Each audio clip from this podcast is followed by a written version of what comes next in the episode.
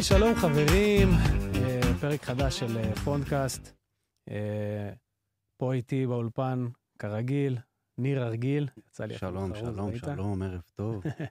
מה העניינים, אחי? איך- איך היה, איך עבר עליך השבוע מאז הפרק? מעולה, עמוס מאוד, הרבה קוד, כמו שאנחנו אוהבים. הרבה קוד, הרבה CSS.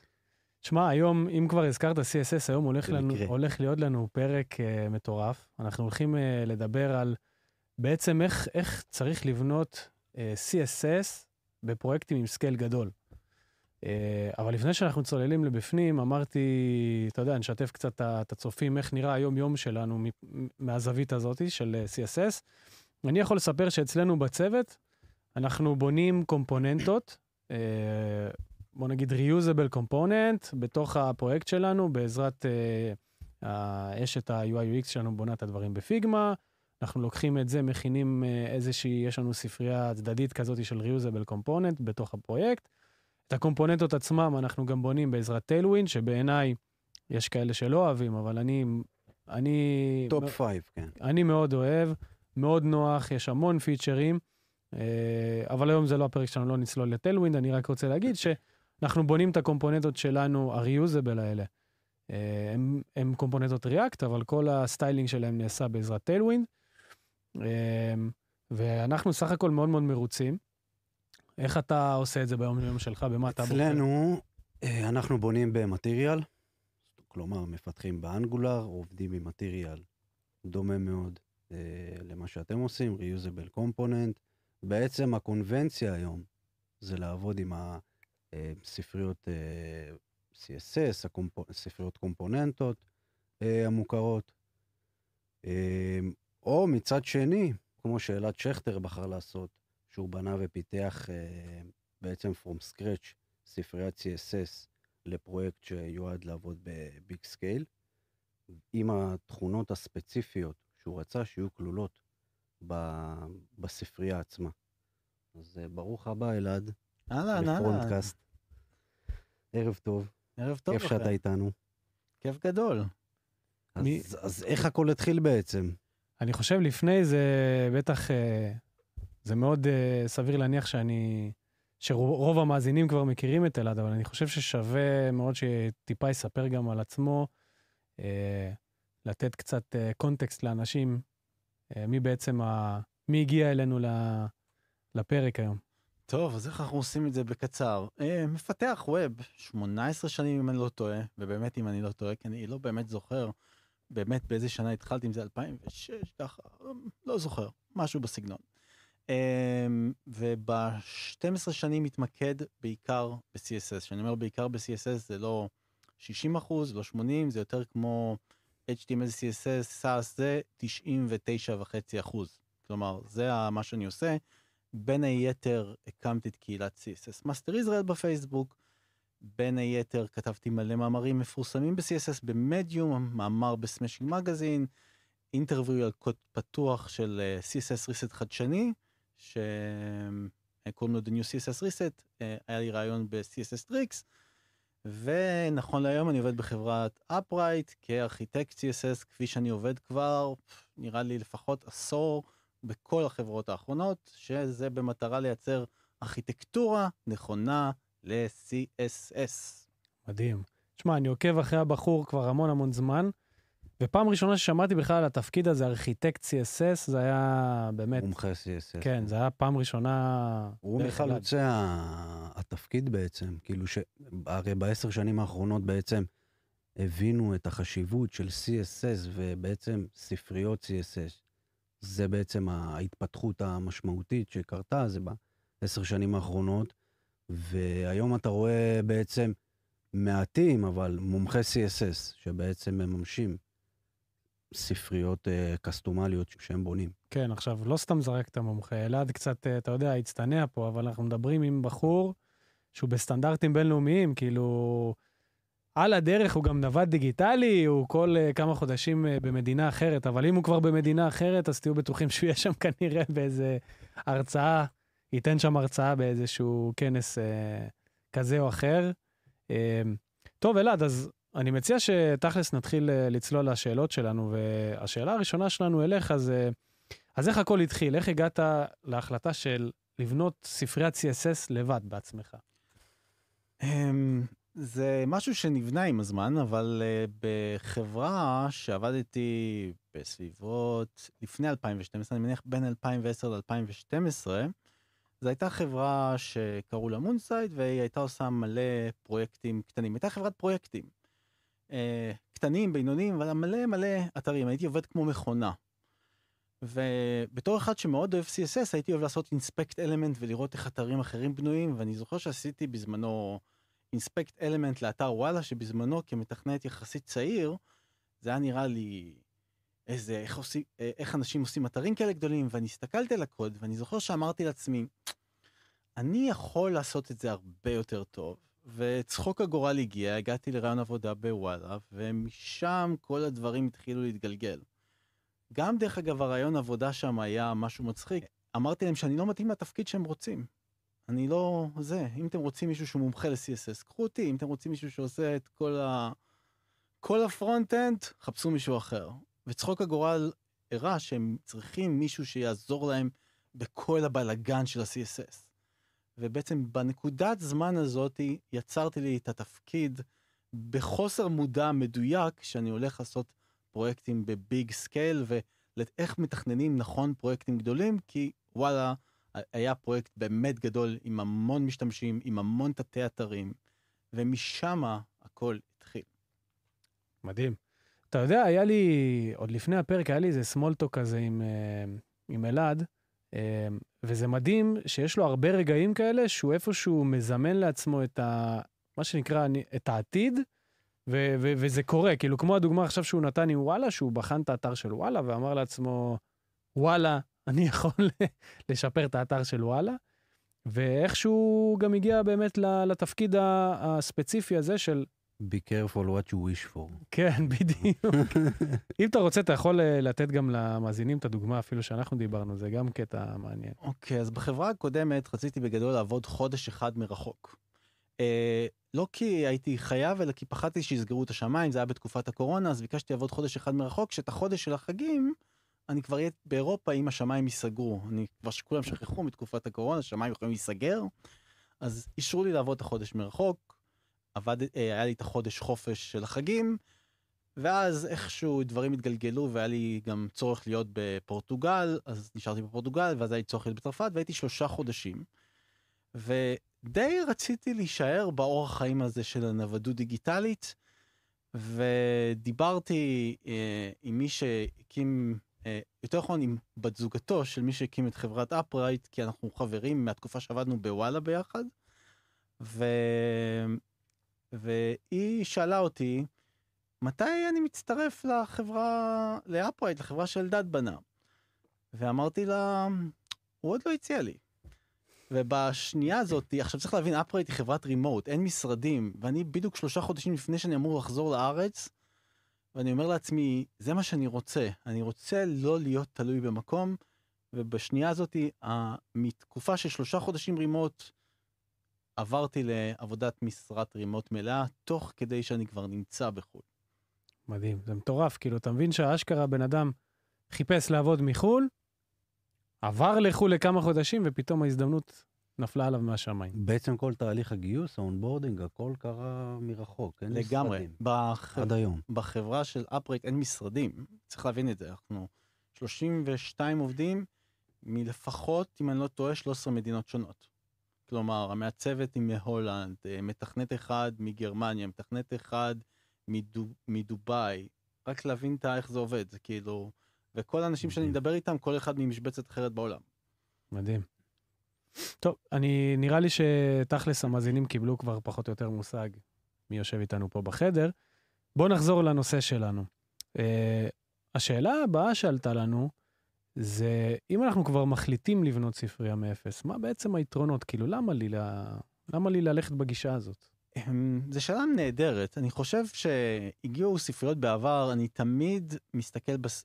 אה, אמרתי, אולי זה באמת טוב, למה אני צריך לבנות הכל מאפס?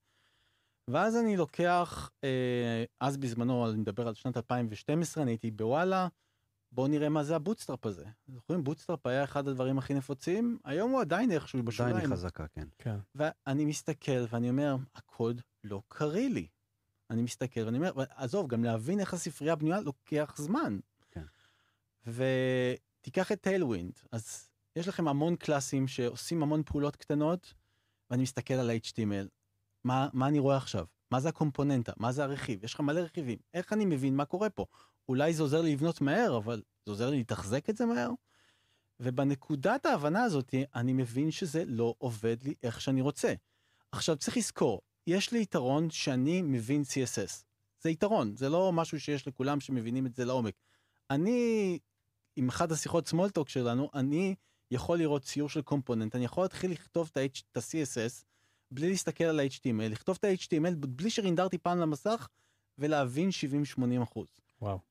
ואז בהבנה שלי, קסטומיזציה, לי הרבה יותר קל לכתוב קוד מאפס, מאשר לקחת קוד מוכן. כאילו, כי כשאתה משתמש אה, ב-Bootstrap, אתה, אם הכל עובד לפי החוקים של Bootstrap, אתה עוד בסדר. אבל ברגע שאתה צריך להתחיל לקסטם דברים, שם הדברים מתחילים לא לעבוד לך. ואם ניקח את Tailwind לדוגמה, אם אתה משתמש בהגדרת flex שהולכת בצורה הורזונטלית, הכל בסדר, אבל אם היא צריכה להשתנות ב-responsive למקום אחר, אתה צריך פתאום לשים עוד איזה קלאס שעושה עוד טוויק למסך קטן, ואם יש לך מטווחים ביניים, הכל מתחיל להישבר. אני רוצה שליטה מלאה על הקוד שלי. מטורף. זה בעצם, מה שאתה אומר פה, אה, היתרון שזה נותן לנו זה בעצם שליטה יותר גרנולרית על היכולות שאנחנו רוצים להכניס לקומפוננטות שלנו, אם אני מבין נכון. אנחנו, אני רוצה שליטה מדויקת, בדיוק. במינימום דריסות, אני נגד דריסות ב-CSS באופן כללי, ותמיד אם מתכננים את הקוד נכון, אפשר לא לדרוס. ה- מה, מה יקרה לך בגוף אם אני אגיד לך important? אני, אני אעשה לך סדר שברמה הכללית, important בסיטואציה מסוימת, אה, עד לא מזמן היה הפתרון אה, הנכון לדוגמה הרבה פעמים ל-utility class. כי כשאני שם utility class בפרויקטים שלי, בשונה מפרויקט של Tailwind שהכל זה סוג של utility class, בפרויקטים שלי utility class אמורים לעשות דברים מאוד ספציפיים. בוא נגיד u-show, כלומר תציג, אז הוא אמור לשים display block, נכון? להציג. אבל מה אם יש לי איזה display flex על קומפוננטה שהיא מירכיה של שתי קלאסים? הדיספליי בלוק כן. של ה-class הזה לא יצליח לדרוס. אז במקרה הזה היה נכון לשים important. כל הדבר הזה דרך אגב השתנה לאחרונה, שנוסף לנו הפיצ'ר של CSS Layers. כי עכשיו, ה-utility class אמור להיות ה-class האחרון, הוא אמור להיות המדרגה האחרונה, ואם שמים אותו בשכבה האחרונה, זה מנטרל קצת את הצורך ב-important. אבל עד לפני כמה חודשים ש-CSS Layers היה נתמך ככה ככה, important היה הפתרון הנכון ל-CSS Utility Class בצורת פרויקטים שאני עובד, שיש הרבה קומפוננטות ו-Utility Class הם חלק יחסית מינורי, ולא כמו Tailwind שהכל זה Utility Class. כאילו, אז, אז אתה אומר שתכלס, אימפורטנט זה כן משהו שאתה תומך בו, אבל ל- למצבים מאוד ספציפיים, אם אני מבין נכון. אני הייתי תומך בו ל-Utility Class, ועכשיו גם הדבר הזה, CSS Layers מנטרל לנו, ה-CSS Layers החדש שנכנס ל-CSS, מנטרל לנו את הצורך אפילו באימפורטנט הזה. קול. אז החלטנו שאנחנו הולכים בגישה שלך, ואנחנו רוצים לבנות משהו משלנו. אה, מה צריך לקחת בחשבון כשאני, לפני שאני מתחיל את, ה, את, ה, את הפרויקט הזה של ה... ל- ל- מה שנקרא להכניס CSS משלנו לפרויקט גדול. עכשיו, אם אתה יכול, תן לנו את זה מזווית ראייה של שפות, צבעים אה, מובנים, דארק מוד, ריספונסיב חכם, ניהול שכבות, כמו שזרקת פה מקודם. אז אני עדיין Sass מבחינתי הוא חלק אה, בלתי נפרד, הוא מספק לי כמה דברים שאני לא יכול לקבל אותם עדיין ב-CSS נייטיבי. כמובן שכל דבר שאתם יכולים לקבל ב-CSS נייטיבי, אנחנו נעדיף לקחת אותו ב-CSS נייטיבי. זה לא שאם יש אפשרות להיפטר מ-Sass, אנחנו נעדיף את האפשרות הזאתי, אבל עדיין Sass מציע לנו הרבה דברים שלא נוכל לקבל באף מקום אחר. עכשיו, אה, מה אנחנו יכולים לקבל ב-Sass שלא יהיה לנו ב-CSS? למעשה בסאס יש לנו שלושה פיצ'רים שהם ייחודיים לסאס. יש לנו בסאס אה, אפשרות לעשות אבסטרקציות שלא קיימות ב-CSS. אנחנו מדברים בעצם על מיקסינים, שזה יכול להיות חתיכות קוד שחוזרות על עצמם, זה CSS functions, לדוגמה לעשות איזה חישוב מתמטי, לדוגמה המרה, אה, אני רוצה לחשוב בפיקסלים אבל לעבוד ביחידות רם, אז אני יכול לעשות פונקציה של SAS, לדוגמה שקוראים לה px to rem, אני נגיד רושם לה 20, כאילו כמו 20 פיקסלים, והוא ימיר לי את זה לרם. ואז אני יכול להשתמש בזה בכל רחבי אה, האתר. ויש לנו את המיקסין, functions ו-SAS variables. עכשיו SAS variables כמעט אה, לא צריך יותר היום שיש לנו את המשתנים של ה-CSS native variables, אך CSS אה, אה, native variables יודעים לעבוד רק על ה-value, הם לא יודעים לעבוד נגיד על השם של name. אנחנו לא יכולים לעשות, אה, ליצור name אה, דינמי תוך ה-variable. עם CSS native variables. ואז שם יש לנו מקרים ספציפיים שה- Sass variables יעזרו לנו. אה, אני אוהב להגדיר את ה-class Theme Dark בתור Sass variables ואז אני יכול להשתמש בו בתוך מגוון של קומפוננטות כדי לייצג את ה-class אבא במצב של אה, dark mode לקומפוננטה לדוגמה. אה, זה לגבי זה. עכשיו יש לנו עוד מלא דברים לקחת בחשבון אז בוא נדבר על צמיחה בשפות. אוקיי. שאתה משתמש היום ב... בספרייה, בוא ניקח את Bootstrap, כל ההגדרות של הכיוונים שלך, באיזה, הגד... הם עובדים בכיוונים uh, פיזיקליים, נכון? יש לך margin right, margin left. נכון. יש כאלה שהיום כבר הולכים על אה, כיוון של start, end, כאילו... הם משתמשים כבר ב-CSS Logical Properties. כן. שכל ה... אה, זה בכיוון של ה-CSS Logical Properties, לנו בתור uh, חברה ישראלית שכותבת מימין לשמאל, חשוב לנו לתמוך בדיפולט בשתי הכיוונים. אז uh, קודם כל אנחנו יכולים להטמיע את זה ולא להיתמך על ספרייה שאולי לא תומכת בזה. Uh, תמיכה בצבעים, איך אנחנו מנהלים את הצבעים. אני לא חושב שיש הרבה ספריות שיודעות לנהל uh, צבעים בצורה חכמה. Uh, מה זה אומר צבעים בצורה חכמה? יש לך נגיד היום מקבץ של צבעים אדומים. כל מיני צבעים אדומים. והם מייצגים לנו את ה... בוא נגיד לזה את הארור, אוקיי? אני בכוונה נותן לזה איזה שם סמנטי. איך אתה מנהל את כל הצבעים האדומים האלה? מה, אתה יוצר פה חמישה מצבעים, אה, שיש, שישה מצבעים אדומים עם SAS, CSS Native Variable שונים? למה לא לחבר אותם שכולם יהיו מאותו סוג? ואיך אפשר לחבר אותם? אפשר לחבר אותם או עם ה-HSL שיש לנו היום, שזה נותן לנו אה, סוג של צבע שאנחנו יכולים לשלוט לו על הסטורציה ועל התאורה שלו. להיות לו טיפה יותר עפרפר, תאורה יותר גבוהה, יותר נמוכה, ואז את ה-U אנחנו יכולים לשים לדוגמה באיזה משתנה של CSS Native Variables. אותו משתנה יהיה בש... בתוך שאר הצבעים בתור החלק של ה-U. הבעיה היא שלפעמים מעצבים לא יודעים לתת לכם את הצבעים ב-HSL. מה עושים? אנחנו מקבלים אותם באקסות. ואת האקסות האלה אנחנו ממירים ל-HSL. רק מה הבעיה? שה-U לדוגמה אה, לא יהיה זהה בכולם, הוא יכול להיות שבאחד יהיה 189 יו, ואחד 192. מה עושים? אפשר להכניס את זה למשתנה של איזה CSS variable לדוגמה. בצורה הזאת אה, אפשר לעשות נגיד את ה-189 להוסיף לו פלוס 2, מינוס 2, ומה זה נותן? שאם אנחנו נשנה את ה-U, את הצבע בסיס הראשון, למשהו אחר, מאדום לכתום, כל התתי צבעים שלנו יכולים להשתנות במכה, ואז יש לנו שליטה גלובלית על הדברים.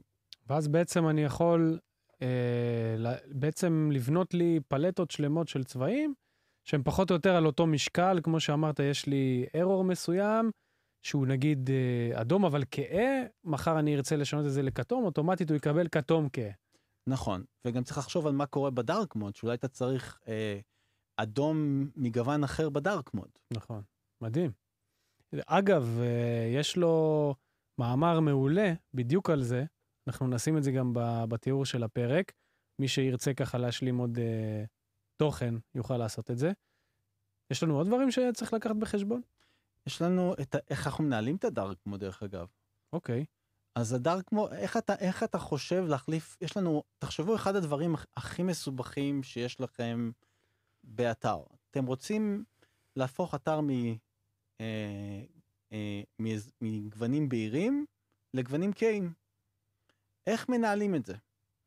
אז אחד הדברים שאני מסתכל, הרי אני אוהב לראות איך אתרים אחרים בונים, אז מה אתם עושים? בדרך כלל יש המון שמות סמנטיים של צבעים בתגית הרוט של ה-CSS. ממש, אתם ראיתם פעם איך כשאתם עושים אינספקט אלמנט לאתר לינקדאין, איך זה נראה כל השמות של משתני צבעים? מה, יש שם אני- מה מה זאת אומרת? אני עושה לכל אתר שאני נכנס, אני עושה לו אספקט אלמנט. זה, דבר בסיסי היום, לא מה, זה הדבר הראשון שאני עושה שאני מסתכל על האתר. קודם כל אינספקט אלמנט. אוקיי, אז יש לו משהו כמו אלף משתנים של צבעים. וואו. עכשיו, תחשוב... אגב, לינקדין, היית בונה אותה אחרת מבחינת CSS? ברור. אז, אה, אבל בוא נעשה סדר. תביא לי את אותו אתר, לבנות אותו חמש פעמים ברציפות, כל פעם יהיה לך איזה עוד טוויסט קטן שאתה יכול לשפר. בדרך, כן. אני אומר את זה, גם אם אני בונה משהו, אני כל הזמן, יש לי רעיונות איך לשפר מבנייה לבנייה לבנייה לבנייה. זה תמיד אפשר לשפר משהו. מה שאנחנו יכולים לעשות על מנת לעשות סדר בצבעים, זה שכל קומפוננטה, ומה זה קומפוננטה? זו מילה מפחידה ב-CSS, זה כולה class שעוטף קונטיינר מסוים, נכון? בוא נקרא ל class הזה breadcrumbs. יאללה. בוא ניקח breadcrumbs. בתוך ה class של ה breadcrumbs, אתם יכולים להגדיר משתני CSS פנימיים. המשתנים בתוך ה breadcrumbs יהיו משתנים סוג של private, כי הם בתוך ה breadcrumbs. אם אני מגדיר משתנה בתוך class, הוא לא גלובלי, הוא בתוך ה breadcrumbs. עכשיו, פה המשתנים יכולים כן להיות סמנטיים, והם יכולים לקרוא, לקרוא לשם של צבע גלובלי. מהמם. עכשיו אני רוצה לדרוס אותם ל dark mode, אז אה, פה אני קצת נעזר ב Sass, יש לי את ה class של ה theme dark בתוך הקומפוננטה עם סיומת של ה ampersand, של ה and. אה, ואז הוא לוקח את ה class הזה, ישים אותו בהתחלה, אבל זה בגדול theme dark רווח ה breadcrumbs לדוגמה, ואז אני פשוט יכול לדרוס את המשתני צבעים ה private שנמצאים בתוך הקומפוננטה. ואז שיש class של theme dark שעוטף את כל האתר, תחליף לי את החמישה פרייבטים האלה בחמישה צבעים גלובליים אחרים. ואז השליטה שלי היא פר קומפוננטה, ואין לי מיליון צבעים. זה או שאני מנהל את הצבעים שלי בגלובלי שיש לי נגיד 20-30 צבעים, 40, בוא נתפרע, ואחר כך יש לי את המשתנים הפנימיים בתוך הקומפוננטה, שאותם אני מנהל פר קומפוננטה. אין לי בלאגן, זה... מסתכל על זה, על הגלובליים זה קל. רוצה לנהל משהו בקומפוננטה? קל. Cool. אז בעצם אתה אה, מכיל dark mode או light mode בעזרת class אחד פשוט, שהוא הוא בעצם דורס את ה... או מכיל משתנים שהם רלוונטיים רק ל mode שבו אנחנו נמצאים. לא יותר קל לעשות ככה? לגמרי. בקצרה, ממש בקצרה, השאלה שיש לי זה, אני יודע שהיום יש ב-CSS בעצם query שדרכו אנחנו יכולים לקלוט את ה mode, נכון? כאילו- נכון, יש לנו את הסכמה color mode, שבעצם יכול לה, להגיד לנו שהמחשב, אם המחשב שלך מוגדר ב dark mode, אני יכול למעשה שזה יהיה אוטומטית, שאני לא צריך לשים אפילו את ה class של ה-Theme Dark Mode. למעשה אני אישית לא משתמש בו, והשאלה היא למה. כי הרבה פעמים אנחנו רוצים שה user בפרספקטיבת האתר יוכל אה, להגדיר שגם אם הוא במחשב ב dark mode, הוא אולי רוצה להיות ב light mode דווקא באתר הזה. כן. אז אני מעדיף שהדבר הזה ינוהל ב class. עכשיו, אתה יכול לשים בצורה דיפולטית את ה class הזה דינמית בהתאם למערכ... למה שהגדרת במערכת הפעלה, מהמם. ואם ה user מגדיר את זה דרך ה setting, לדרוס את ה setting הזה ולשנות אותו. אבל זה הסיבה, ואם אתה יכול להשתמש בזה, אני אישית מעדיף שלא, כדי לתת את החופש פעולה לשליטה בין, ה... אה, בין המערכת הפעלה למה שהמשתמש רוצה. Cool. אוקיי, אז responsive זה אחת האהבות הגדולות שלי ב-CSS. responsive זה אחד הדברים, אני חושב, תחשבו עליהם בשיא הרצינות, תבינו שזה אחד השיקולים למה נכנסו הרבה ספריות, כי מתכנתים נורא קשה להם להתמודד עם responsive. responsive זה לשנות חוקים בצורה דרסטית, זה לא רק גמישות, זה לא fluidיות של האתר, זה לשנות משהו ממשהו שנראה א' למשהו שנראה אחרת לגמרי. אה, אז היום יש לנו כמה דרכים להתמודד עם ריספונסיב. אחד הדברים זה ריספונסיב דיזיין הישן עם, והמוכר עם המג'ה קווירי, שבו אני גם מתמודד בצורה מאוד שונה ממה שהיה נפוץ בתעשייה, כולם היו אומרים מובייל פורסט, ואני אמרתי צריך לעשות אה, שכבה יותר אבסטרקטית. שכבה שהיא רק עם ה styleים נכונים לכל רוחבי המסכים, נכתוב אותם בלי שום media query. אנחנו לא רוצים לעשות דריסות.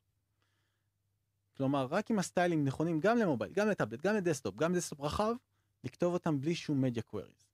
ואחר כך, אם יש משהו שהוא נכון לדוגמה רק למובייל, אני לא רוצה שהוא גם יוחל אוטומטית לטאבלט ול desktop ואז אני צריך לדרוס אותו שוב, אז הייתי עובד עם media query בטווחים סגורים. לדוגמה, מ-0 עד 570 פיקסלים. ואז נגיד המסך גודל ביניים הבא מ-571 עד 1000. אחר כך הבא מ-1001 נגיד עד אינסוף, זה סבבה. אז מ-1001 עד אינסוף, בדרך הזאת יכלתי ליצור לי styleים של דוגמה אפילו דברים משוגעים כמו נכון למובייל, נכון ל desktop, אבל משהו שונה לגמרי בטאבלט. ולשחק עם הדברים. אבל זה דרך אחת שיש לנו היום. נוספו לנו עוד שני דרכים מגניבות, אה, gridים דינמיים עם CSS grid. כלומר, היום עם CSS grid, אה, אה, שאנחנו מגדירים CSS grid ל container מסוים, בוא נגיד שיש לנו קונטיינר של cardים שחוזרים ב repeat, אז אנחנו רוצים אולי שכמות ה cardים תהיה בהתאם לגודל הקונטיינר. אם הקונטיינר רחב, שיהיו בו חמישה, אם הוא יותר צר ארבעה, אם הוא יותר צר שלושה, אם הוא יותר צר שתיים, ואולי אפילו אם הוא יותר צר, אפילו אחד במובייל. אז פעם היינו עושים את זה עם media query שונה לכל רוחב, נכון? כן. ב grid היום, עם הגדרת grid template columns, הוא יכול לקבל במקום שתיתנו לו ערכים קבועים, אתם יכולים לתת לו את פונקציית ה repeat, עם keyword value ששמור לפונקציה הזאת שאפשר להשתמש בו auto-fill, במקום להגדיר מספר אה, קבוע 5, 4, 3, 2, 1, אתם כותבים את האוטו fill, ואז אתם נותנים לו בגודל, אתם יכולים לתת לו גודל קבוע, אבל מניח שאתם תרצו משהו גמיש, אז יש עוד פונקציה של מינימום מקסימום. נגיד אנחנו קובעים אה, 200 פיקסל גודל מינימום, ככה הוא יודע כמה תאים יכול להכניס per container. ו-1fr זה שהוא יהיה גמיש. למה שהוא יהיה גמיש? בוא נגיד יש לכם קונטיינר של 700 פיקסלים, Mm-hmm. אז מינימום של 200 נכנסים לנו שלושה, אבל לא נכנס רביעי, נכון? נכון. אז המאה התחלקו שליש, שליש, שליש, פלוס מינוס 33.3 פיקסלים. Nice. ואז הם גם גמישים. וזה דרך מספר 2 שנכנסה לנו, אבל ממש ממש לא מזמן נכנס לנו הדבר אה, שמאפשר לנו גמישות בכל פרספקטיבה אפשרית. כי ה-grid לקלפים זה נחמד, אבל מה אם אני רוצה לעשות משהו שהוא לא קשור כזה לוגית מתמטית דווקא ל-grid של cards? Mm-hmm. אז הפיצ'ר האחרון, אני לא יודע אם אתם מעודכנים, אני מניח שאתם כן מעודכנים, זה ה-CSS Container Queries. נכון, מדהים. והוא נתמך בכל הדפדפנים. פרסמנו גם מאמר על זה, כן. והוא נתמך היום בכל הדפדפנים, והוא מאפשר לנו ליצור איזה לוגיקה שאנחנו רוצים, די בדומה ל-Responsive Design של ה-Media Queries, הישן והוותיק, רק לפי רוחב ה-container. אגב, זה נתמך בכל הדפדפנים? זה נתמך בכל הדפדפנים ממש בחודשיים האחרונים, כאילו. אז זה שיקול. זה עדיין פיצ'ר צעיר, מה שנקרא. אני עדיין כבר, אני, אם יש לכם פרויקט ואתם, אה, כי אני חושב שמי שהכניס, אני לא זוכר מי הכניס אותו אחרון, נראה לי פיירפוקס אולי, אל תפסו אותי במילה. אני חושב שזה מספיק טוב, כי האחרים נראה לי הבשילו קודם דווקא. אז אה, אני הייתי שוקל להשתמש בו, בייחוד אם הפרויקט משתחרר עוד ארבעה חודשים, אז בכלל להשתמש בו. אה, מה החסרונות, יתרונות, או שעדיין לא יודעים מה החסרונות כל כך? יש לו, זה, חיס, זה חיסרון שולי. Uh, אני ציפיתי שאם אני מגדיר uh, את ה-CSS Container Query ל-container של קומפוננטה, אז uh, אתה מצפה שה-responsive יהיה per uh, הקומפוננטה, uh, ה-container של הקומפוננטה, נכון? אני הייתי מצפה, יש לי את ה-card לדוגמה, בוא נגיד ה-card, אני רוצה שהוא יהיה במקום, אם הוא ברוחב של 300 פיקסל שיראה א' ושיראה ב' ברוחב של 600. per ה-card נגיד, אני רוצה לעשות בתוך הקארד קונטיינר קווירי. אז הייתי מצפה שאם יש לי נגיד, ובוא נגיד זה לי, תגית לינק, תגית A, שעוטפת אותו, הייתי מצפה שאם התגית A הזו היא ברוחב 300 תראה א', ואם היא ברוחב 600 תראה ב'. אז לא. כדי שהוא ידע מה הרוחב של ה-container שלו, אתם צריכים לעטוף אותו בעוד תגית. והיא ההגדרה של הקונטיינר קווירי. כלומר, אני חייב לעטוף אותו בעוד משהו. זה יכול להיות div, זה יכול להיות li של הרשימה, אבל הוא חייב להיות עטוף בעוד משהו. זה כאילו עוד מעטפת קצת מעצבנת, אבל היא מביאה כל כך הרבה ערך מוסף שזה שווה את זה. נשמע שיש חשיבה מאחורי זה, זאת אומרת שזה יהיה יותר אה, מסודר. אני חושב ש... אני חושב שזה היה, תחשבו שרספונסיב דיזיין המקורי שנבנה, לא היה צריך להיבנות. תחשוב על responsive design. למה אני צריך לעשות responsive design לפי רוחב המסך? חשבת על זה פעם? למה זה לא הגיוני שתמיד זה יהיה לפי רוחב ה-container? גם המסך הוא קונטיינר. תגית ה-body, סתם לדוגמה. למה זה לא נעשה מראש על קונטיינר? כי זה לא, היה לזה בעיה לוגית מבחינת ביצועים, מבחינת איך להתמודד עם זה עם הדפדפן, Mm-hmm.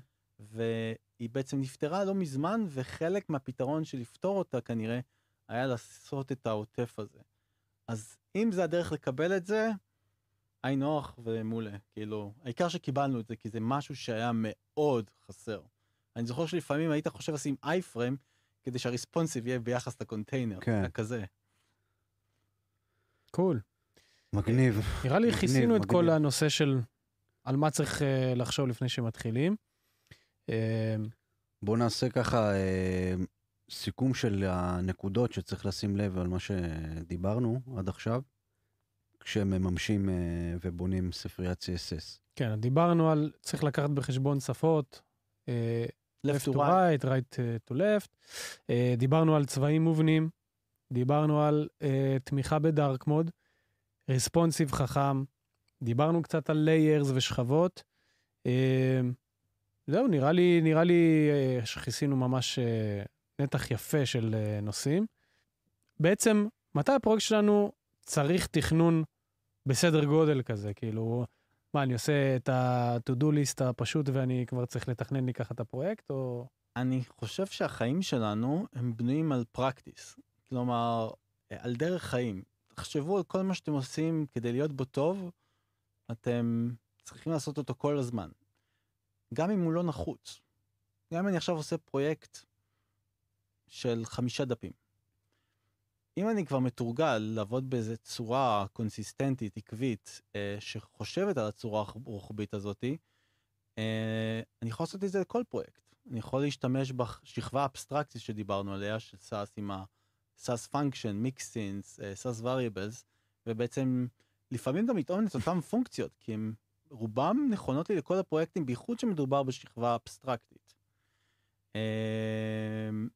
חלוקה לקבצים, כאילו אני רוצה לחלק את זה לקבצים הכי קטנים שיש. אה, איך לעבוד עם דארק מוד ולייט מוד, למה לא לנהל את הצבעים מראש בצורה נכונה, גם אם אני לא צריך בכלל דארק מוד.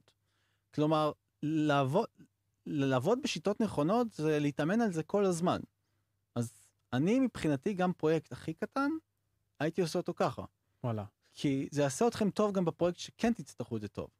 ו... אבל מרגיש לי כאילו שיש פה הרבה overhead להתחיל פרויקט קטן, ולהתחיל להכניס לו את כל האספקטים האלה מראש, זה מרגיש לי כאילו... למה זה מרגיש לך ככה? כי אתה לא רגיל. כנראה, יכול להיות שאני פחות מיומן. אגב, אולי גם לך, בגלל שכבר עשית את זה כמה וכמה פעמים, יכול להיות שיש לך איזשהו kit כזה שאתה כל פעם לגמרי. מוריד או, או מכניס לפרויקט שלך, ו- ואתה בעצם לא מתחיל מאפס. אני לא מתחיל מאפס, זה מדויק. אני, השכבות האבסטרקטיות שלי הם קיימים, יש לי את ה-Sass mixins שלי ואת ה-Sass functions שאני יודע שאני צריך אותם. איך אנחנו שמים את היד שלנו על כל הטוב הזה? אה, אז קודם כל, הספרייה שאני עובד עליה עכשיו, היא ספרייה שקוראים לה פינק דיזיין, שהיא משמשת את החברה שאני עובד בה, אפרייט, שהיא, כל החברה הזאת היא, היא, היא קוד פתוח. כלומר, כבר עכשיו אתם יכולים להציץ, להשתמש באיזה צורה שאתם רוצים בקוד של ה... אה, נקרא לזה קוד CSS, אבל טכנית זה קוד של SAS, ולראות איך הספרייה שלי בנויה. כלומר, יש לכם גישה חופשית לקוד, ל-SAS מיקסינים, SAS functions, איך אני עושה חלוקה לקבצים, שלא נכנסנו לזה, אבל זה אומנות בפני עצמה, איך לחלק לפרויקטים, שזה נכנס דרך אגב לשיטות עבודה ש... שספריות אחרות יצרו, או איך לסדר קוד, שלא דיברנו עדיין, אבל זה כאילו מדבר על BAM, אטומיק דיזיין, אני לא עובד אחד לאחד, אבל אני משתמש בדברים בסגנון הזה בקוד שלי. אני רוצה להגיד רק שגם הלינק ל... לספריית קוד פתוח שעכשיו אה, אלעד הזכיר, גם יהיה אצלנו בתיאור. אני חושב שזה הצצה מטורפת לאיך אלעד בונה. למוחו בעצם. של כן, ארכיטקט אה, כן, CSS. כן, כן, הזדמנות מדהימה ללמוד בעצם את ה-best practice שהיום אה, בעצם הצורה הכי טובה ל- לבנות CSS היום לפרויקט אה, ל-big scale. בעצם הגישה של אלעד, תקן אותי אם אני טועה, זה להתרגל ללמוד ולבנות ולפתח אה, את ה-CSS בפרויקט, שיהיה כבר מוכן ל-big scale, שיהיה מוכן כבר לעבוד, גם אם לא נפתח אותו ולא נגדיל את הפרויקט, שיהיה לו איזשהו בסיס. זה ממש ככה, תחשבו שאתם מאמנים את זה, אני, זה לא שפרויקט עכשיו שאני מתחיל מאפס, כאילו, עם ה... אמנם לוקח את החלקים שאני כבר רגיל לקחת מהפרויקט, זה לא שעכשיו לוקח לי עכשיו לבנות את הארכיטקטורה אה, שבועות, חודשים. בגדול אצלי זה כמה שעות כבר ויש את הבסיס, כן? כאילו, בסיס לפרויקט חדש. הבסיס, לא אמרתי עכשיו שהכל בנוי, אבל את הבסיס כבר יש, ועכשיו בוא נבנה. זה כבר, זה כבר מתודה, זה שיטה. אגב, היום, אתה יודע, בעולם היום של בינה מלאכותית, לי יצא לבנות פרויקט אישי. נכנסתי לצ'אט GPT, אמרתי לו, תקשיב, תרכיב לי פרויקט עם uh, בנדלר כזה, ועם React uh, ו types כזה, הוא, הוא נתן לי כאילו פקודות, ו, ואפילו פקודה לבנות לי את כל, ה, את כל הקבצים עם התיקיות. עם... היום זה, זה, זה נורא פשוט לעשות איזשהו קוד התחלתי כזה, כאילו, גם אם אין לכם ספרייה כמו של אלעד, וגם אם אני לא מדבר ספציפית על CSS, היום אפילו בעזרת AI אפשר לבנות דברים כאלה של script מאוד מאוד קטן שאתה מפעיל ו- ובונה לך את כל הבסיס שאתה צריך לפרויקט, שווה להשקיע בכזה דבר, כי שוב, אתה, ברגע שאתה ניגש לפרויקט, יש לך כבר בסיס שבא איתך, ו- ו- ויכול להיות אפילו שעבדת עליו ו- ו- וסגננת לך, והוא, והוא נותן לך הרבה הרבה כלים בשביל הפרויקט שאתה, שאתה נכנס אליו. לעבוד עם CSS ולא ללכת על אזור הנוחות של לעבוד היום עם ספריית CSS מוכנה, זה משהו שהוא מאוד חשוב להשקיע בו היום, בכל שלב, אה, למפתחי פרונט, כי אתה בעצם מבין איך עובד CSS. ואם אתה עובד רק עם ספריות, מתישהו אתה תיתקע ולא תבין איך זה עובד בפועל, ואז אתה צריך להשקיע בזה שעות, אם לא ימים, לחזור אחורה ולבדוק איפה זה נופל, ולפעמים זה שורת קוד אחת שיכולה לעכב אותך. זה מדהים שאתה העלית את זה, כי זה חיבר רגע משהו שאלעד אמר שהוא עשה inspect, שהוא עושה inspect element לכל אתר שהוא נכנס, אז uh, אני בעצם התחלתי את האהבה שלי ל-CSS בדיוק ככה, אני זוכר שהתחלתי איזשהו פרויקט עם Bootstrap, ומאוד סקרן אותי איך הם עושים את הדברים שם. בזמנו לא היה, היה flex, אבל השתמשו אז ב float right, float left, לעשות clear both, כל הדבר, אה, כל הגועל נפש הזה. אני חושב שחלק מהמאזינים אפילו בכלל לא יודעים מה מדובר בפלוט. זהו, היום, היום הפלקס וגריד הם לגמרי הסטנדרט, למרות שלדעתי הם היו קיימים כבר אז, כאילו לפני שבע שנים, אני חושב שכבר היה לנו פלקס. פלקס התחיל בסביבות אה, תמיכה טובה יחסית בדפדפנים ב-2012, אבל עבד בגרסה המיושן שלו. פלקס עבר שלושה וריאציות, ורק ב-2015 הוא כבר היה מספיק אה, בוורסיה האחרונה עם בשל. תמיכה מלאה בדפדפנים השונים. אז בכל מקרה, אני בדיוק התחלתי ככה, אני זוכר את עצמי נכנס לדוקומנטציה של Bootstrap, אה, עובר שם על הקומפוננטות השונות, inspect element, ופשוט בודק איזה חוקי CSS הם השתמשו כדי לגרום לזה להיראות כמו שזה נראה. אז אני חושב שזה אחלה ללכת לספריות קומפוננטות או, או פרמורקים של CSS, אבל בסופו של דבר, כמו שאני תמיד אומר, אתם חייבים לדעת את הוונילה. גם אם זה JavaScript, גם אם זה CSS, אתם חייבים להבין בזה, כי זה יפגוש אתכם, זה יפגוש אתכם בהמשך, גם אם זה ברעיונות עבודה, וגם אם אתם צריכים לתכנן את הפרויקט שלכם, או פתאום יש איזה נקודה מסוימת, כאילו קיבלתם איזה עיצוב, ואתם צריכים לגרום לדבר הזה להיראות בדיוק כמו בעיצוב. וזה לא משהו שקיים ב, בספריית קומפוננטות שלכם, אז איך עושים את זה? זה, זה בדיוק ככה, כאילו. לעשות אינספקט אלמנט, לא להתבייש, אף אחד לא מסתכל, ו, ולבדוק את הדברים בדיוק איך שהם עובדים. קשה ומסוכן גם לסמוך על אה, ספריות, כי סביר להניח 90 אחוז אתה תצטרך לשנות קוד, אם אתה לא יודע איפה הנקודות שצריך להבין בהן, זה יכול להיות מסוכן ולשבור production. Uh, נחזור טיפה לשיחה שלנו, אתה זרקת מקודם ככה, לא יודע אם לקרוא לזה Buzzwords, אבל כן מילים מעניינות, זרקת BEM, זרקת atomic, תן לנו טיפה אה, איזשהו קונטקסט על, על מה זה הדברים האלה, מתי להשתמש בהם. אז אני לא משתמש ב-BEM כפי שהוא אחד לאחד. BEM זה בעצם צורה של כתיבה שנותנת לנו איזה סדר של שמות של classים לדוגמה. אה, נגיד יש לנו את ה...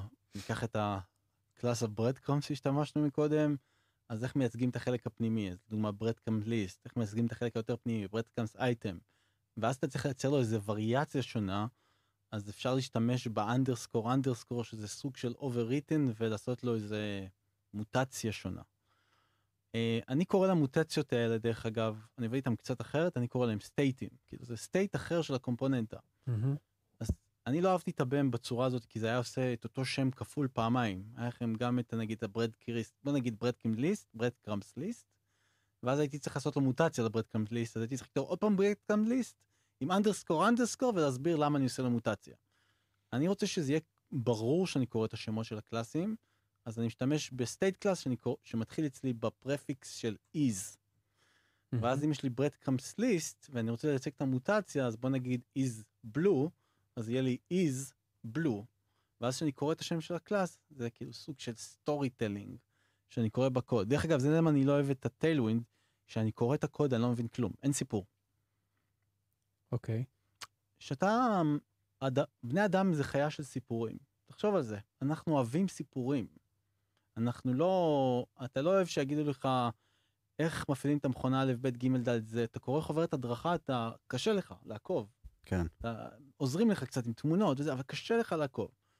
אבל כשיש לך סיפור מאחורי למה הדבר הזה קורה, יותר קל לך להבין משהו. עכשיו, כשאני מסתכל על קוד שכתוב בטיילווין לדוגמה, אז אני רואה פלקס, זה, זה, זה, רגע, אבל מה אני רואה? איפה הרכיב? איפה הרכיב של הברדקאמס לדוגמה? אני לא רואה ברדקאמס, אני רואה יו-פלקס. למה זה יו-פלקס? למה זה זה? למה זה? אתה לא רואה סיפור, אני מסתכל על הקוד, ואתה קודם כל מנסה להבין, רגע, איפה אני נמצא בכל הבלאגן הזה? כן. אז אני קודם כל רוצה סיפור, ויכול להיות בו דרך אגב חלק של utility uh, class, אבל קודם כל סיפור, שיהיה קונטקסט. ואת הקונטקסט אני אספר עם השמות של ה classים.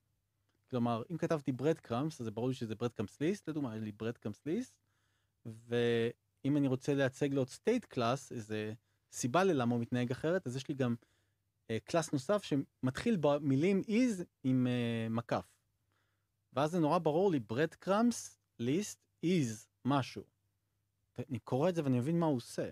יש לי איזה לוגיקה מאחורי הדבר הזה. איזה, אתה יודע, שאלעד מדבר, זה פתאום מרגיש שזה זה מאוד קל לעשות CSS. כן, ברגע שאתה מסתכל על זה כקוד, שזה סיפור, אם אתה כותב את זה כסיפור, זה הרבה יותר מובן גם למפתחים שנכנסים לפרויקט. הכל רץ בסדר מסוים, הרבה יותר מובן, כן. מצמצם זמני פיתוח, תחשב... ואני לגמרי אהבתי את זה. תחשבו גם שאתם כותבים את הפרופרטיז שלכם, שאמור להיות להם גם סדר לוגי שהם כתובים.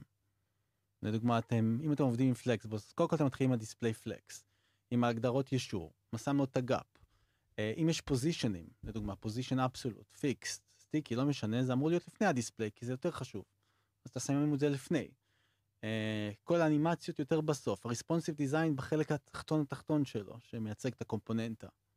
כלומר, לכל מקום אני תמיד חושב בהיררכיה איפה אני כותב אותו. אני לא סתם כותב וזה עובד. אנחנו צריכים לחשוב איך הקוד שאני מסתכל עליו שוב, האם הוא קריא לי. ואם משהו לא עובד לכם, תשנו, כאילו תערכו, תנסו כל פעם שהקוד יהיה קריא. שלהסתכל, תעיפו את הראש, תשתו קפה, תחזרו. קוד קריא, להסתכל, לבדוק, לא עובד. אפרופו קוד קריא, יש גם את הנושא של, של האטומיק דיזיין, נכון? נכון. הוא עוזר לנו באספקט הזה. חד משמעי, כאילו, אטומיק דיזיין זה רעיון, זה אפילו לא ספרייה. אם מדבר על איך ליצור את החלקים הכי מיניאטורים, ליצור מהם רכיבים, זה יכול להיות כפתורים, בטן, בטן זה הרכיב הכי קטן שיכול להיות לנו, בגלל זה קוראים לזה, מתחיל באטומיק, אחר כך יש מולקולה וככה הלאה וכך הלאה. אני קורא דרך אגב לחלק האטומיק אלמנט, למה אני קורא לו אלמנט? כי הוא אלמנט. כאילו, אז אצלי זה מוגדר כאלמנט האטום, Mm-hmm. אז כפתור הוא אלמנט או אטום, איך שאתם רוצים להסתכל עליו, ואז יכול להיות לכם קומפוננטה שמרכיבה משהו יותר גדול. אבל כשחושבים על הקומפוננטה הזאת, היא בדרך כלל מורכבת מהרבה חלקים קטנים, כמו כפתורים בתוכה. כן. אז מה כל הקומפוננטה הזאת בעצם צריכה לעשות לנו? לייצג איזשהו layout. ומה זה layout? זה הרבה פעמים יהיה ה flexbox וה grid של איך אנחנו ממקמים את החלקים. וזה כל מה שהרכיב הזה עושה, הוא בעצם אסופה של אלמנטים שמיוצגים בצורה שונה. כן, אז, אז אם אני יכול אפילו לתת דוגמה מהיום-יום שלי, אז כמו שאמרתי, לנו יש ספרייה של קומפוננטות שאנחנו משתמשים, כאילו עושים בה שימוש חוזר, ו... אז יש לנו קומפוננטת card. אנחנו יכולים להשתמש ב card בכל מיני חלקים, ולכן זה reusable, זה לא קומפוננטה שהיא ספציפית למסך ספציפי, אבל גם היא באמת בתוך ה card, אז יש לנו כפתורים, ויש לנו אולי אה, עוד אלמנט של תמונה ועוד אלמנט של טקסט. אצלנו אנחנו עשינו ממש אה, אה, קומפוננטות שהן typography, כאילו, אנחנו יכולים להגיד מה גודל הטקסט, והאם הוא, אתה יודע, נטוי או, או, או צבע מסוים, ואז ה, החלקים, הקומפוננטות האטומיות האלה מתחברות, כמו שאמרת, לקומפוננטה שהיא קצת יותר גדולה אפילו. כן, אפילו ה card הוא אלמנט, כי תחשוב על זה, card זה אלמנט, אחד עוטף, אפילו אם שיש בו חלקים פנימיים, הוא עדיין לא קומפוננטה, כי הוא לא מייצג את ה layout, הוא רק מייצג את ה card. וזה הכל צריך להיות במובנים הפשוטים האלה, וטיפ נורא חשוב, לא לייצג סטיילים על ידי תגית, תמיד על ידי class. אה, ואז אתם שואלים, רגע, ומה, רגע, כפתור הוא תמיד כפתור, ולינק הוא תמיד לינק. לא מדויק, לפעמים יש לינקים שמבקשים שיראו כמו כפתורים, וכפתורים שיראו כמו לינקים. לכן חשוב לו תמיד לעבוד עם קלאסנים, וגם תגיות הדר, h1, h2, h3. אתם לא רוצים ליצור תלות לתגיות הסמנטיות. אני כן בעד להשתמש בתגיות סמנטיות, אבל יכול להיות שה-SEO יבקש לשנות h2 ל-h3, אבל עיצובית, אתם רוצים שזה ייראה כמו h2 ולא h3. ככה אני יכול לייצג את הרעיון העיצובי בלי קשר ל-HTML. אז אני כמעט בין 99.9% מנתק את הקשר העיצובי מתגיות, שזה גם משהו שצריך לשים אליו לב, אנשים מטרגטים כאילו תגיות כאילו זה בסדר וזה תקין. בעולם שלי זה, זה, זה, זה כמעט השגיאה הכי גדולה שאפשר לעשות. כשהם מחליפים תגית אני לא רוצה שהעיצוב יישבר. כלומר, אז, אז אתה עובד בעצם רק עם קלאסים ו-IDs. בעיקר קלאסים, אפילו כמעט לא IDs בכלל. אני לא זוכר, אני מנסה להיזכר אם איזה סיבה טובה להשתמש ב-ID, ו-ID, גם אם זה משהו שנראה לנו ייחודי, יכולה תמיד להיות איזה סיבה למה אני רוצה כן. את זה. כ class, כן. כן. אה, אז קלאסים. קלאסים, ודרך אגב, עדיפות ל class אחד ולא משהו משורשר עם קינונים. וטיפ נוסף לאיך לא לעשות קינונים, נגיד יש לנו את ה breadcrumbs, ובתוכו יש רשימה, ובתוכו יש אייטמים, אז חלק, חלק מהאנשים יכתבו breadcrumbs, ובתוכו ישימו class של list, ובתוכו ישימו class של אייטם. אני אומר לא, לא, לא, לא, תשרשרו את השמות. כלומר, ה class העוטף יכול להיות breadcrumbs, הרשימה תהיה breadcrumbs list, עכשיו שימו לב לאייטם, אל תשרשרו breadcrumbs list item. תשטחו אה, את השרשור, תרשמו פשוט breadcrumbs item. קצר יותר וקלי יותר, כן. לא להעמיק יותר מדי את הזה. וכשאתם יוצרים את השמות האלה, עכשיו שאני רוצה לטרגט את crumbs item או את crumbs list, אני לא חייב להגיד שהוא בתוך breadcrumbs. אני פשוט הסטיילים הם רק ל breadcrumbs list או רק ל breadcrumbs item או רק ל breadcrumbs. זה בעצם הסיפור שדיברת עליו מקודם. נכון, אתה מבין את ה connection בלי שקיננתי אותו אפילו. נכון. שים לב, אתה ברור לך שיש ביניהם קשר, אבל כשאתה מטרגט אותם ב-CSS, אתה מטרגט class אחד. למה זה חשוב? CSS בהיררכיה של CSS ספציפית היא נמוך יותר, פחות התנגשויות בקוד. אה, אוקיי. יפה. מאוד חשוב. כן. אפשר כמה מילים על זה? ספציפיטי ב... CSS ספציפיטי, כן. כן. זה כאילו, מצד אחד זה נשמע לי הדבר הכי ברור בעולם, ובצד שני, היום אני חושב שאם אני אשאל 100 מפתחים, אולי אחד ידע. אה, אז ככל שיש לנו סלקטורים יותר מורכבים, שזה אומר נגיד עם יותר קלאסים, דוגמה, נגיד נקודה class 1, רווח נקודה class 2, רווח נקודה class 3. אה, אז אם יש לי עכשיו selector נפרד של הנקודה class 3, ויש לנו את ה selector המורכב של נקודה class 1, רווח נקודה class 2, רווח נקודה class 3, לא משנה באיזה סדר אני אשים אותם, ההוא עם השלושה סלקטורים יהיה יותר חזק מההוא עם ה selector של class 1. כי יש לו פשוט שלוש כוחות של שלושה קלאסים שונים. וזה לא עושה לכם בעיות שאם עשיתם class אה, נקודה breadcrumbs, רווח נקודה breadcrumb list, רווח נקודה breadcrumb list item, יש לכם פה היררכיה של שלוש ועכשיו אני רוצה לדרוס את ה breadcrumbs item הזה ואני מנסה רק עם class אחד, אני לא יכול, כי עשיתי selector מורכב מדי. אז המטרה שלי איכשהו לנסות לעשות אה, selector של class אחד. טוב, אני חושב שלסיכום אולי שווה שאם בא לך, כמובן אתה לא חייב, אבל להרחיב קצת על הפרויקט שלך היום, זרקת את השם שלו, קוראים לו פינק. אז אולי טיפה לספר למאזינים ולצופים גם, אה, קצת על הפרויקט ואיך זה בא לידי ביטוי, כל מה שדיברנו עליו היום, איך זה בא לידי ביטוי ביום-יום שלך. אז הפרויקט של פינק זה הפרויקט שאנחנו משתמשים בו במוצר של אפרייט, אה, שאנחנו משתמשים בו בעצם בכל הפרויקטים החדשים שאנחנו בונים, זה אמור להיות קו מיישר בין הפרויקטים. אה, אני מנסה לממש כל דבר טוב וחדש שיש בקוד שאפשר לעשות אותו בצורה יותר נכונה. דרך אגב, מאז שהתחלתי אותו נכנסו כמה דברים שנתפחים עכשיו טוב שעדיין לא ממומשים שם, כמו CSS Layers שאני משתמש בו רק ב-CSS Reset, אבל אני רוצה להכניס אותו לכל השכבות. אה, איך לתמוך בצבעים נכון, זה רק להציץ על הקובץ של הסידור של הצבעים, זה סיפור מעניין בפני עצמו לראות. להציץ על איך קומפוננטות נראות שם, דוגמה ברד קראמפס או כפתורים, איך לנהל כפתורים, אם יש לכם כמה סוגי כפתורים. זה לחשוב איך לדייק את הדברים, זה לראות איך שאני עושה וריאציה חדשה, אני לא צריך לדרוס סטיילים. אתם, כאילו, אנחנו תמיד רגילים לדרוס, אבל למה לא להחליף את הערך של המשתנה רק? כאילו, פתאום אני לא צריך להגדיר את הפרופרטי מחדש. איך לעשות את הקוד נקי, לחשוב על הקוד הכי נקי, איך אפשר ליפה, זה יהיה, להסתכל על הפרויקט הזה, זה לראות איך אנחנו מנסים לקחת כל דבר ולנסות להביא אותו לפרפקשן שלו, שיהיה מושלם, כאילו. וגם אני, כשאני מסתכל על הקוד, דרך אגב, אני תמיד אומר, אני יכול צריך לשפר פה משהו, ואני דרך אגב, אני משפר תמיד תוך כדי, כי אנחנו יכולים לשפר, אבל כל הזמן לחשוב מה אני עושה לא טוב, לא כי אני לא טוב, אלא כי אני רוצה כל הזמן להיות יותר טוב. קול.